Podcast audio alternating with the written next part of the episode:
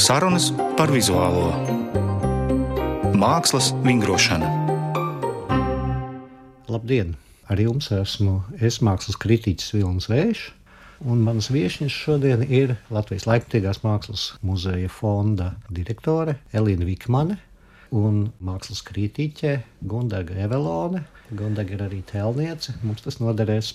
Un Elīna savukārt ir eh, šodien tādēļ, ka mēs runāsim par dāņu mākslinieku Ufes Izoloto izstādi. Mūsu mājas bija zeme uzplaukums, kas šobrīd ir izstādīta Ņūhānza biroja ēkā tātad īpašā vietā, jo pati izstāde ir īpaša. Tā ir um, apjomīga, atvests ir tāds uh, site specifika vai katrai vietai atsevišķi adaptējama instalācija, kas sastāv no vairākām skulptūrām, vides, iekārtojuma. Nu, tas viss izskatās diezgan grandiozi.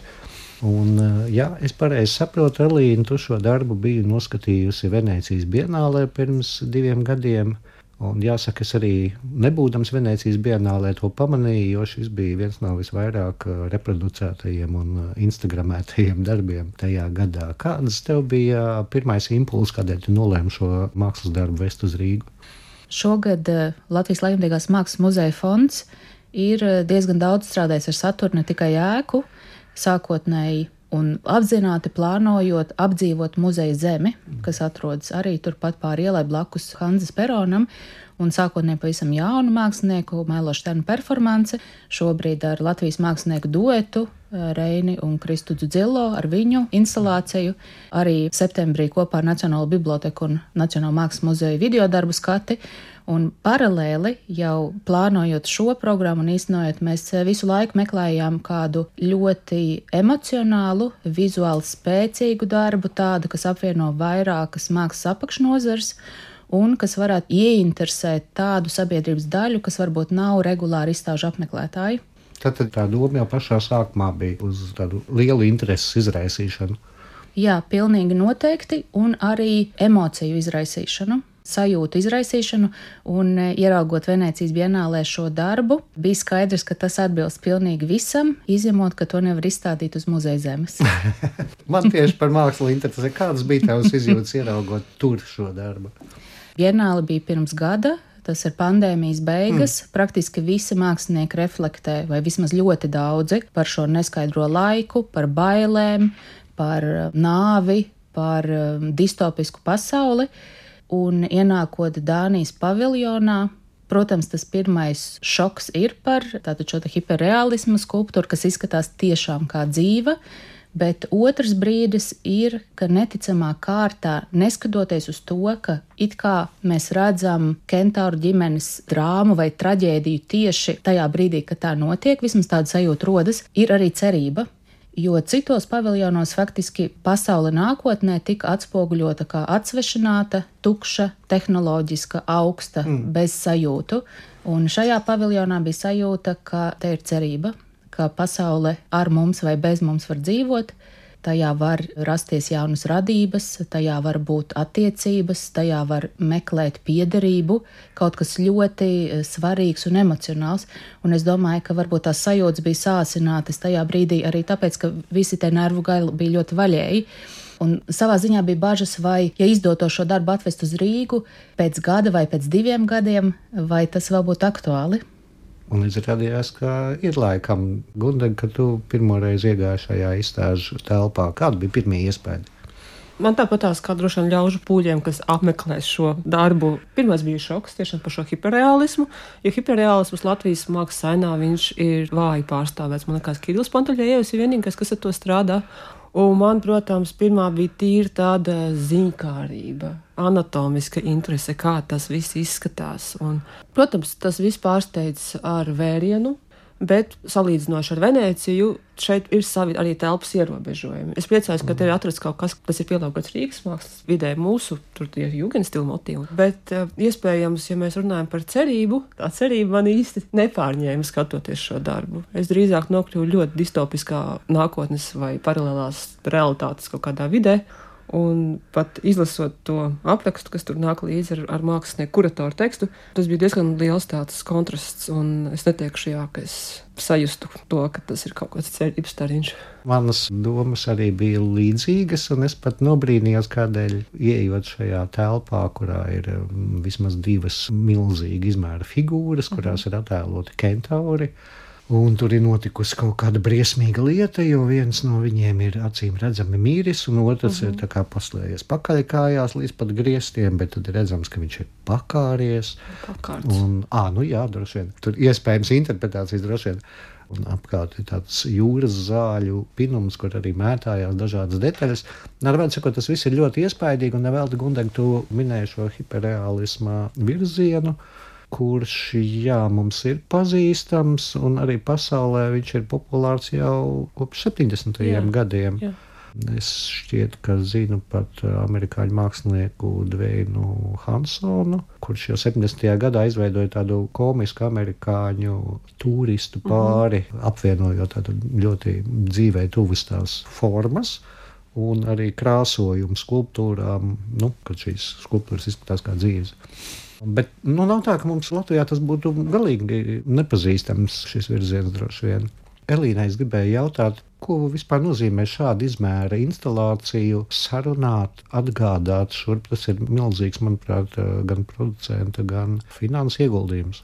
Jāsaka godīgi, ka puse no veiksmes bija lieliska sadarbība Jo, kad beidzot es biju sazinājusies ar māksliniekiem caur Somijas kuratoriem no sākuma, tad caur Dānijas mākslas muzeju, kamēr eh, mēs varējām sakontaktēties, uzaicinot viņus ciemos, mēs eh, vairākas dienas pavadījām ar Ufi, vienkārši ļoti daudz runājot par daudz mm. ko. Un uh, sapratām, ka iespējams, ka mēs varētu kopā strādāt. Mums bija līdzīga izpratne par kvalitāti, līdzīga izpratne par darba ētiku, par tādām lietām, kas varbūt mēs netik bieži saistam māksliniekiem bet kas šādā projektā ir ļoti, ļoti būtiski, lai to varētu realizēt. Bet uh, otra daļa, protams, kas bija vislielākais apgrūtinājums, bija, ka, lai gan mēs esam ieguvuši neticami iespaidīgu vietu Un varbūt ir īpaši tā kļūst iespaidīga tad, kad ir mainīgi laikapstākļi, jo tajā ir ļoti daudz logu un mm. izstāde nemitīgi mainās, ir īpaši tad, kad ir saule. Tomēr tas nav muzejs, tā ir biroja ēka, kas nav iekārtota, tātad, kurai nav grīdas ieliktas, un tātad tā ir tāds karkas tikai ar 5 metrus augstiem griestiem. Tā nav piemērota mākslas darbu izstādīšanai. It sevišķi tik lielu mākslas darbu, kā rezultātā mēs cēlām ārā logus, lai varētu šīs kastes vispār ienest izstāžu zālē. Pēc vairākām nedēļām mēs aptvērām, ka mēs esam sabojājuši visi muguras, ka mums visiem sāp muguras. Tāpēc, ka mēs dienām ilgi pavadījām uz betona grīdas, ka tur nav pat eh, elektrības slēdža, ka mums ir jāpievelk elektrības slēdža, lai mēs vispār varētu zāli iztīrīt, un tādas lietas, par kurām skatītāji nekad nedomā, un arī visi tie cilvēki, kas uzskata, ka laikmatīgā māksla var atrasties jebkurā graustā, jebkurā birojā, kā, nu, jebkur iebāzta, viņi nekad nedomā par to, ka tās ir pārcilvēciskas pūles, lai varētu labi strādāt, lai tas vispār būtu iespējams. Cik kastēs atbrauc šī instalācija, piemēram? Kopumā tās ir sešas lielas kastes, no kurām lielākā kaste bija 3x4 metri. To ir grūti varbūt cilvēkiem saprast. Tā ir tāda sajūta, ka atbrauc milzīga fūra un viņi mhm. lēnām stumj ārā kasti, un tā kaste nekad nebeidzas. Un tad astoņi vīri ar rokām viņu cēla iekšā pa logu. Mm. Un arī naudas izteiksmē, protams, mēs nevarējām pat iegūt eh, vai noīrēt tādu mašīnu Baltijas valstīs. Eh, Tātad mēs pasūtījām transportu no Dāņu kompānijas, kuriem bija šādas fūras. Un eh, ārkārtīgi prasmīgi cilvēki, kas reizē ir gan kravas mašīnas šoferi, bet kas ļoti precīzi prot strādāt ar mākslas darbu kraušanu. Viņi tieši stāstīja, ka pirms divām dienām viņi ir bijuši Šveicē un veduši Matisu par 52 miljoniem. Gundagai drīzāk gribētu palūgt nokomentēt šos te izmantotos materiālus. Vai tu visu saprati? Es sapratu, tur ir uh, silikons, tur ir jūras zāles. Jā, tur ir silikons, stikls. Kā tas īsti, kā šādas skulptūras tiek izgatavotas? Nu, protams, no sākuma ir veidojums šajā uh -huh. gadījumā tās cilvēciskās daļas, un kas ir pozitīvs, visticamāk, ka tas ir mālā vai kādā tas, citā materiālā. Atvaino, tas ir roku darbs. Tas, tas ir, ir roku darbs, jā, jā jo es arī, es arī pētīju arī šīs cilvēciskās kentauru daļas, viņas jau nav kā tīri cilvēki, tur ir tomēr cita veida proporcijas, ir platāki kakli, platākas sejas. Es neesmu bijis klāt veidošanas procesā, bet uh -huh. tas ir tīrs arī mākslinieka fantāzijas darbs.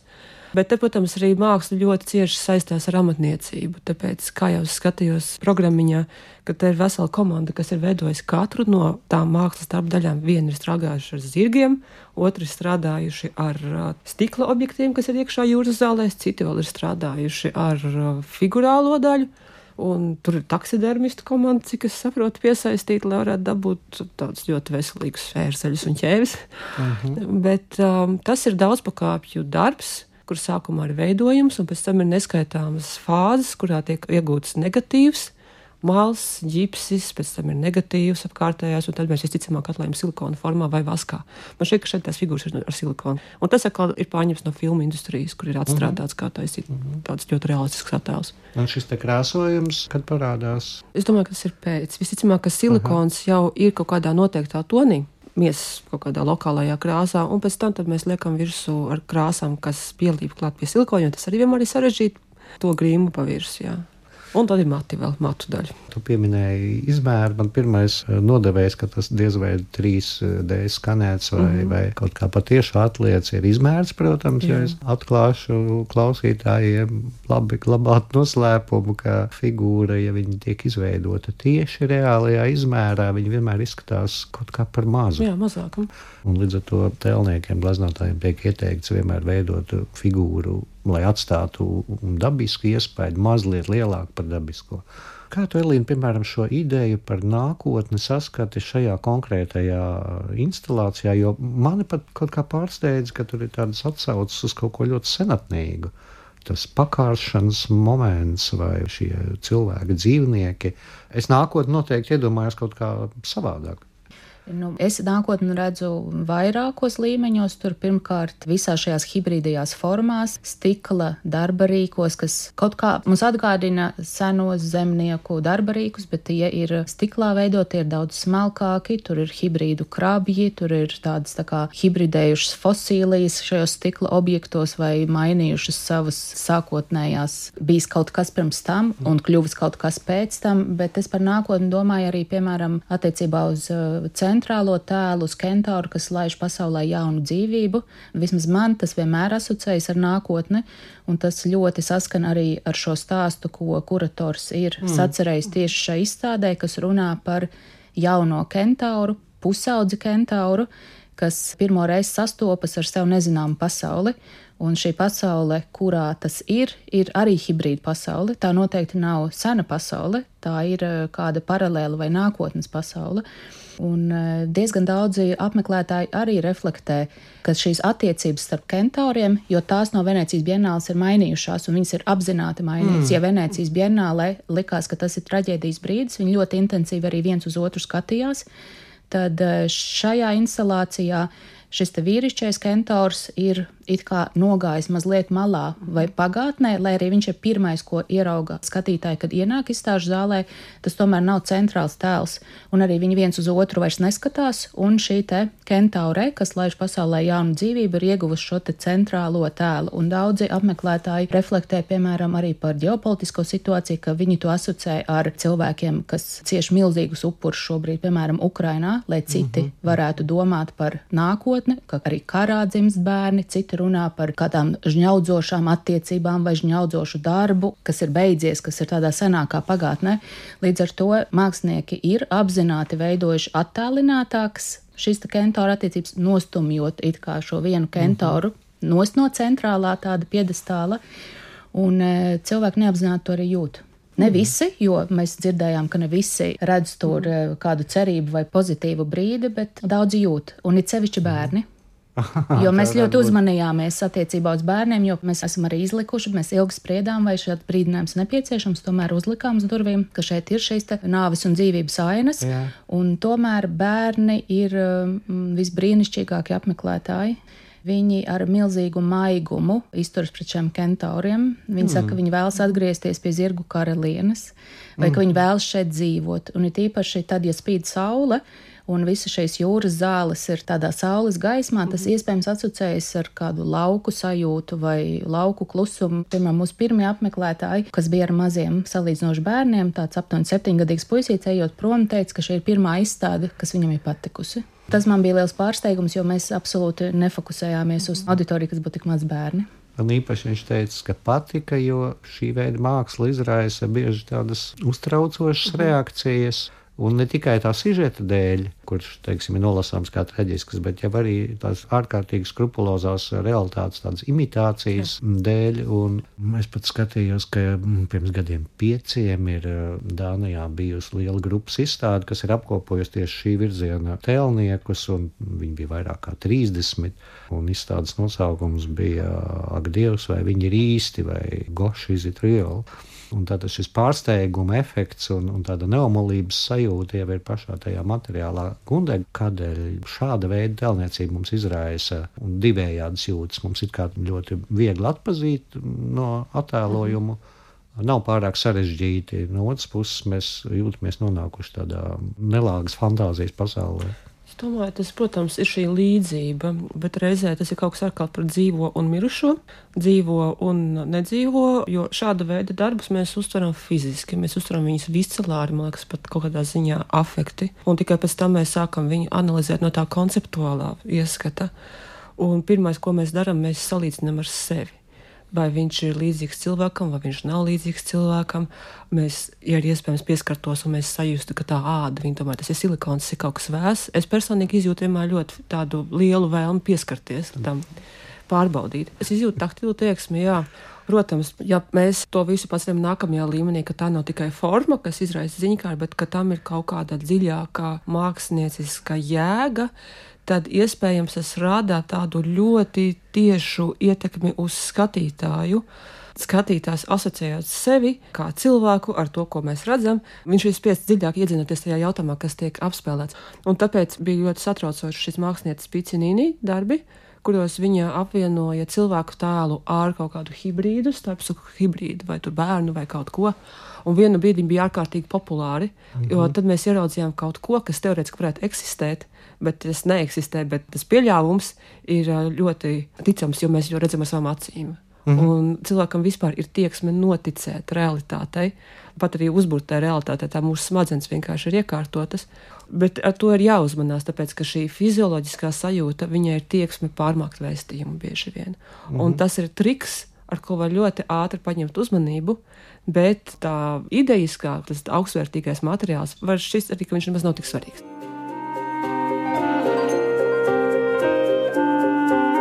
Mākslas vingrošana.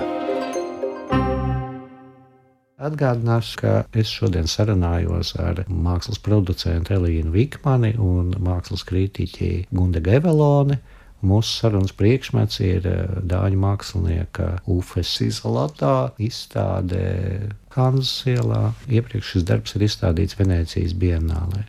Gundega uzsāka interesantu tēmu par to, ka šī ārēji ļoti efektīvā māksla, tas efektīvums, teiksim, pārmāca vēstījumu, vai tas nu, ir garantēti aizķeroši. Un mēs atceramies, ka bija tādi mākslinieki kā Rons Mjūks. Un jau pieminētā Patricija Pičinīnī, ko man arī tā kā liela izstāde ir laimējies redzēt. Un viņi strādā ļoti dažādi. Mūks, piemēram, ar mērogiem, tur milzīgi izmēra, bet ārkārtīgi dabisks zīdainis tiek izstādīts. Un pičinīnī savukārt krusto jā, dažādas formas un arī panāk šo pārdabiskās realitātes efektu. Man šķiet, tas bija vesels tāds virziens, nu, viņš ir nepārējoši populārs un izrādās joprojām dzīves. Elīna, vai tas bija šis pieejamības jautājums, skatītāja uztveres jautājums, vai tas bija kaut kādā veidā reiķinoties ar mūsu skatītāju? kurš, pieņemsim, pie nu, tādām ļoti strikti konceptuālām formām varētu nebūt pieredzējis. Man šķiet, ka mums ir ļoti grūti prognozēt, ko mūsu skatītājs mm. vai ko mūsu sabiedrība domās par izstādi. Uh, jo ik pa laikam mākslā gadās notikumi, kas man šķiet pavisam neskandalozi, un tie izvēršas par skandāliem, un neviens nezina, kāpēc. Tāpēc mēs noteikti nevarējām prognozēt, bet man šķiet, ka Latvijā hiperrealisms ir ļoti reti sastopams, un man šķiet, ka arī tādas vizuāli ļoti emocionālas izstādes nemaz nav tik um, bieži, jo mēs kaut kā esam pieraduši uzskatīt, ka Mākslā jābūt ļoti, ļoti intelektualizētai, ļoti konceptuālai, eh, iespējams, minimalistiskai, diezgan bieži jaunai mākslai. Vismaz man tas priekšstats tāds radies, ka tas šķiet it kā tas virziens, kas mums ir eh, vairāk raksturīgs. Un tomēr gribējās pavērt plašāk to mākslas daudzveidības aspektu, un tas, ka tā māksla varētu būt pieejamāka vairāk cilvēkiem, mm -hmm. tas mums bija svarīgi. Gundagai prasīšu tūlīt komentāru. Manu piebildi ir, ka ar intelektuālismu es nezinu, vai mēs ļoti būtu uz to, ja mums tiešām kādu konceptuālistu šeit atvestu. Bet vispār es šo jautājumu uzdevu tādēļ, ka lieli, ievērojami, apjomīgi mākslas darbi no rietumiem pie mums nonāk reti. Un tas nenozīmē, ka Rīgā nemaz nav izstādīti ievērojami mākslinieku, mūsdienu mākslinieku darbi, bet parasti viņi līdz šejienei atkļūst kaut kādā ļoti reducētā formā, piemēram, survival kit izstādes mm -hmm. ietvaros ir kāds video vai skaņa. Un tur īpaši vēl jāievāc informācija, lai saprastu, ka šis mākslinieks tiešām ir no augstu vērtēts un A kategorijas teiksim, pasaulē. Kāds tavs skatījums, Gundaga, cik šī māksla, šis virziens ir aktuāls kopējā tādā laikmatīgās mākslas pamatplūsmā? Nu, man ir tāda sajūta, ka bišķiņ tas ir tā kā noiets etaps jau tomēr. Ka tas nāca ar tādu lielu pompu tā pirms 20 gadiem apmēram, un cilvēki bija pārsteigti, un par šīs izstādes ar tiem joka darbiem, piemēram, viņas pat rādīja parastās ziņās. Tas arī ir labi, jo cilvēki, kas ar mākslu nebija saistīti vispār nekādā veidā, viņi tādā veidā arī kaut ko uzzināja, un pēc tam tur pārunāja darbu kolektīvos. Es atceros, bet man šķiet, ka šobrīd vairāk tomēr ir kaut kāda cita veida māksla izvirzījusies priekšplānā, un ka šis hiperreālisms, viņš vairs arī līdz ar to nav pašmērķis, viņš drīzāk ir viens no darba instrumentiem, kā izteikt domu. Un ka tagad mēs vairāk skatāmies par šo etniskumu, par šo dekolonizāciju un uh, strādājam arī ar kā, cita veida vizuāliem instrumentiem. Un, protams, vienlaicīgi šāda veida darbi jau ir ļoti sarežģīti radāmi. Tas prasa ļoti lielus tehniskus un finansiālus ieguldījumus. Man šķiet, ka tas lielais vilnis tomēr ir pāri. Ja? Mm -hmm. Un savā ziņā es par to arī priecājos. Bet tas noteikti nenozīmē, ka darbi, kas ir radīti šādā veidā, ka viņi nebūtu nozīmīgi. Vienkārši tas ir jau tāds aprobēts darba paņēmiens, kas ir iegājis no tā pirmā šoka, jau tādā tā kā mainstreamā iekšā. Jā, varbūt tādēļ jā. Eh, es pat biju pārsteigts, ka dāģi bija tieši. Jā, man arī radās jautājums, kāpēc. Jā. Izvirzījuši, bet no otras puses tas liecina, ka virziens nav mīris, virziens jā. Eh, attīstās un virziens varbūt jāpiepluso klāt vēl kaut kādas satura vai tematiskas kvalitātes. Un es vienu mirkli vēl gribu atgādināt arī man ļoti mīļu mākslinieku Ed Atkins, kurš mm. spēlējas ar līdzīgiem efektiem tikai nu, digitālajā mākslā, video mākslā un animācijā. Bet, eh, teiksim, šie hiperreālisma efekti un iedarbīgums ir nepārspējami. Es mm. esmu bijis klāt kādu bienāli iepriekš, kad bija Atkins darbi izstādīti, un blakus bija telpas, kurās cilvēki iet cauri, un tad nonākot pie šiem ļoti tādiem aci ķerošajiem darbiem, ja tur, protams, kavējās, pulcējās, tur vienmēr ir skatītāji. Man ļoti uzrunāja tas, ko tu minēji, ka hiperrealisms jau nav pašmērķis. Tas Jā. vienkārši ir rīks, kā mēs varam runāt. Mm. Un e, attiecībā uz Ufu Isoloto viņam ir e, divas lietas, ko viņš caur hiperrealismu, kā viņš runā, vai kas viņam ir svarīgas. Viens ir šis hibriditātes jēdziens, jo faktiski visi darbi ir hibrīdi, un arī mhm. šajā izstādē visi objekti ir hibrīdi, un ne visi tie ir hiperrealismā radīti. Bet otrs, ka viņam ārkārtīgi interesē kolektīvās prakses, kas ir ļoti, manuprāt, aktuāls fenomens šobrīd visur pasaulē, un ne tikai mākslas pasaulē, arī pētniecībā, ka mākslinieki, varbūt aizņemoties no citām nozarēm, piemēram, no filmu nozares, ka viņi spēj radīt šīs kolektīvās prakses, kurās ko kopīgi tiek radīta instalācija ar vienotu mērķi un arī savā ziņā ar vienotu virsvadītāju vai tādu kā režisoru, bet ar ārkārtīgi lielu brīvību katram sava darba radīšanā. Un, uh, vedot šo izstādi, mums bija ļoti būtiski runāt par šīm kolektīvajām praksēm. Mēs tās esam arī paši turpinājuši, iesaistot tālāk arī mākslas un kultūras studentus, kuriem tika ļauts pakot ārā priekšmetus. Viņi to darīja pirmo reizi. Mēs varējām runāt par fotodokumentēšanu un dot baltos cimdus, un viņi varēja izvietot objektus. Tur, protams, pēc tam varbūt notiek arī kādas korekcijas, bet eh, turpināt ļoti iesaistīt dažādu veidu cilvēkus arī no citām nozarēm. Tāpēc mēs ar Annu Fischeru esam strādājuši un ar Ivetu Poli caur dažādām nozarēm, ar vienu to kopīgo mērķu un ar ļoti lielu māksliniecisko brīvību.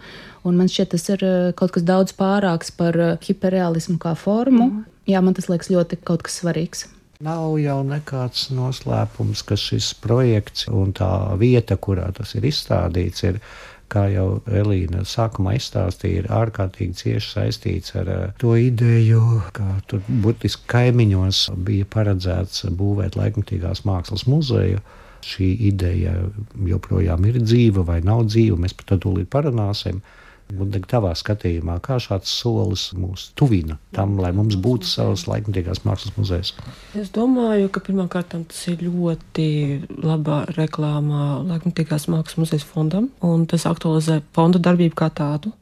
Un, ja mums būtu šāds muzejs, tad es pieļauju, ka slavenu, vērtīgu mākslinieku darbu transportēšana un izstādīšana Latvijā tā būtu tikai ikdiena, no tā būtu normāla praksa, nevis kaut kas ārkārtējs, kā mēs to esam šeit tagad pieredzējuši. Ja būtu gan telpas, gan arī tas attīstītu veselu nozari, kas patiesībā veidotos gan atkal grūdienas mākslas kritikā, būtu ko taustāmi vizuāli redzēt jaunajiem studentiem un jaunajiem māksliniekiem. Es ļoti ceru, ka šis nav pēdējais šāda veida projekts, un ka būs vēl kaut kas, tas būtu brīnišķīgi, ja būtu tāds cikls, ka mēs vedam un rādām to, kas notiek kaut kur citur mūsu. It kā provincīti kaut ko no centra atvest. Jo patiesībā, jā, šis ir precedents ļoti sen nekas tāds liels nav bijis, kas Jā. ir atvests no centra un atrādīts. Es laikam nepiekritīšu, un vispār kopumā diezgan noraidoši izturos pret eh, centra nu, Protams, atvešanu jā. uz eh, provinci. Jā. Un šajā gadījumā tas tā gan nav, gan arī nekad nav bijis domāts, jo Dānija ir eh, Latvijas laimīgās mākslas muzeja kolekcijas uh mhm. -huh. reģionālajā tvērumā, kas ir Baltijas jūras reģions. Un satiekot mākslinieks un ar viņiem dzīvojot kopā, radot šo izstādi, bija pilnīgi skaidrs, ka mēs esam no viena reģiona, ka mums ir ļoti, ļoti viegli strādāt. Tās atsauces, ko viņi dod uz savu pagātni, mm. uz zemniecisko vēsturi, uz izpratni par lietām, uz estētiku, kvalitāti, tas ir ļoti specifiski mūsu reģionam raksturīgs. Tas nav nekāds ne western rest, ne centrs un perifērija. Venecija jau ir kaut kas tāds, kas Jā. mūsu reģionu māksliniekiem jau visiem, vai vismaz lielai daļai, palīdz gūt starptautisku atpazīstamību. Un e, tam pašam centram, ja, vai tiem rietumiem un, un ASV jau tā Venecijas bienāle, tas nav tā, ka tas būtu viņu slavas uh -huh. mirklis. Man tā šķiet, tā nozīme ir noteikti pārvērtēta. Un, Un varbūt mums, jā, Eiropas pusē tas ir e, nozīmīgāks notikums nekā Amerikā. Protams, mēs varam par centru un provinci runāt tikai kritiskās intonācijās, ka laikmīgās mākslas pasaule ir pret šādu dalījumu. Un no otras puses, skarbā realitāte ir tāda, ka jā, tiešām šāda viesistāde mums ir eh, tik rets notikums, ka tas nu, neviļas liek domāt par to, ka kaut kas ar to mūsu starptautisko iesaistītību pasaules mākslas procesos īsti kārtībā nav. Un, protams, ka tāda mm, lieluma pilsētai kā Rīga būtu nepieciešama vieta un vajadzīgie spēki, Tas ir arī izglītoti cilvēki, strādājošie, finansētāji, sponsori un tā tālāk, lai šāda izstāžu apmaiņa notiktu regulāri. Un es dzirdēju no Gundagas ļoti jauku vēlējumu Elīnai turpināt šādas aktivitātes. No otras puses, saprotu, ka tas nav viegli. Un mūsu mērķis noteikti nav kļūt par vēl vienu institūciju, kas kaujās pēc ārkārtīgi šī niecīgā finansējuma. Mums ir vairākas absolūti profesionālas un lieliskas organizācijas, kas producē izstādes. Arī šī izstāde, lai gan, manuprāt, tā ir pārspējusi mūsu kādas sākotnējās idejas mm. par to, kas tas varētu būt. Tā ir apaugusi ar daudz dažādām aktivitātēm un viedokļiem, un mēs ne uz ko tādu nebijām cerējuši. Bet savā ziņā tā ir tapusi arī mazliet tā kā par spīti, jo es pēdējos gados tik daudz runāju ar dažāda veida ierēģiem, un es tik bieži sastopos ar jautājumu, kam tā jūsu laikmatīgā māksla vispār ir vajadzīga, kas viņu tur apmeklē, neviens viņu neapmeklē. Vai eh, to jau nevar vispār neviens saprast, ko jūs tur esat uzlikuši, un atsaucās uz kaut kādiem skandaloziem darbiem. Un, un man šķiet, ka tomēr ir ļoti liela plaisa starp tiem, varbūt, kas ir cieši saistīti ar mākslu, vai kas ir ļoti regulāri apmeklētāji, un tiem, ar kuriem mēs ikdienā satiekamies, bet kuri uzskata, ka māksla nav viņiem. Un tādēļ šīs tāda man šķiet bija svarīgs vēstījums arī viņiem, un arī svarīgs arguments man katrās nākamajās sarunās atbildēt lūk visiem šiem cilvēkiem, un it īpaši jaunajiem cilvēkiem, lūk, simtiem, simtiem cilvēku nāk apmeklēt šo izstādi dienā, kad ir vētra. Tas ir neiedomājami. Nu, kad noņemt šos iesīkstējušos, varbūt muļķīgos argumentus, un varbūt labāk ir vienreiz parādīt, nekā simtreiz pateikt. Bet um, mūsu mērķis, protams, ir uzbūvēt uh, muzeju, Mhm. Izstādi arī apmeklēja tikko Momas starptautisko programmu vadītājs Ingalāce. Bija uzaicinājis viņu uz Latviju, un arī mēs runājām par muzeju, un viņš tik grozīja galvu. Kad mēs runājam, ka mums taču ir tādas un tādas institūcijas, un tomēr mēģinot parādīt, ka tā māksla dzīve šeit un viss notiek, un viņš tik tā grūtsirdīgi kustināja to galvu un teica, nu kā jūs bez tādas lielas publikas institūcijas, ko jūs vispār mēģināt izdarīt? Šāds projekts, protams, ir ļoti labs, jo, kā jau teicu, es aktualizēju. Un visur ir tas vārds rakstīts, ka tas ir laikmetīgā mākslas muzeja fonds, kas to ir norganizējis. Un, ja tiešām šiem ierēģiem ir vajadzīga kvantitatīva uzskaita cilvēku, cik ir nākuši skatīties šajās tuvu muzeja perimetram esošajās telpās to izstādi, tas arī tiks saņemts Mums ir jāirdina, jāirdina un jāirdina tā augsne no visām pusēm, no mākslas kritikas puses, jo es tagad redzu, ka ļoti daudz ir tekstu, kas vienkārši beidzās ar frāzi, bet tad, kad mums būs laikmatīgās mākslas muzejs, es lieku cerības uz jauno kultūras ministru, jo ir vajadzīga ne tikai šī fiziskā celtne, bet ir vajadzīga arī šī mentālā celtne, kurā tas viss notiek. Mēs visi strādājam, katrs tagad savā mazā šūniņā, bet mums kaut kur ir jāstiekās, jo mēs jau arī katrs konkurējam savā starpā. Un ja būtu mhm. šis mentālais, es negribu lietot vārdu vārdu templis, jo mākslā nevajag nekādas hierarhijas, bet ja būtu šis avots, pie kā mēs visi pulcētos, tas vienkārši būtu daudz, daudz vienkāršāk to mākslu radīt un arī pēc tam viņu eksponēt un uzlabāt un pētīt. Es arī piekrītu, ka tā runāšana par laikmatīgās mākslas muzeja prombūtni, un tā var šķist apnicīga, tāda tā arī ir jau kuru paudzi bet bez tās mēs nevaram īsti iztikt, ja mēs vēlamies kaut ko mazliet vairāk nekā mums ir. Līna, kādas ir ziņas? Tieši vakar um, izlasīju no atkal cerību nesošas ziņas, ka kultūras ministri tikusies ar Rīgas mēru, un viņi ir vienojušies, ka viņu prioritātes būs šīs divas celtnes muzejs un koncertzāle, un ka tātad jaunajā sastāvā viņi domā to risināt. Es ļoti ceru, ka izdosies pārvarēt šo nemitīgo pingpongu, ka, ja jūs izdarīsiet to, nu tad mēs izdarīsim šo no visām pusēm, jo tagad mūsu jaunajai ministrei taču ir arī iepriekšējā pieredze Rīgas domē, tā kā viņai tomēr ir pieredze no abām pusēm, tā skaitā no kultūras sektora. Es raugos cerīgi. Paldies par sarunu. Šis bija raidījums Mākslas vingrošana. To vadīja Vilnis Vējš, un manas viesņas bija mākslas producente Elīna Vikmane un mākslas kritiķe Gundega Evelone. Raidījuma producente bija Ieva Zēdmane. Mākslas vingrošana katru otro sestdienu, 14.5.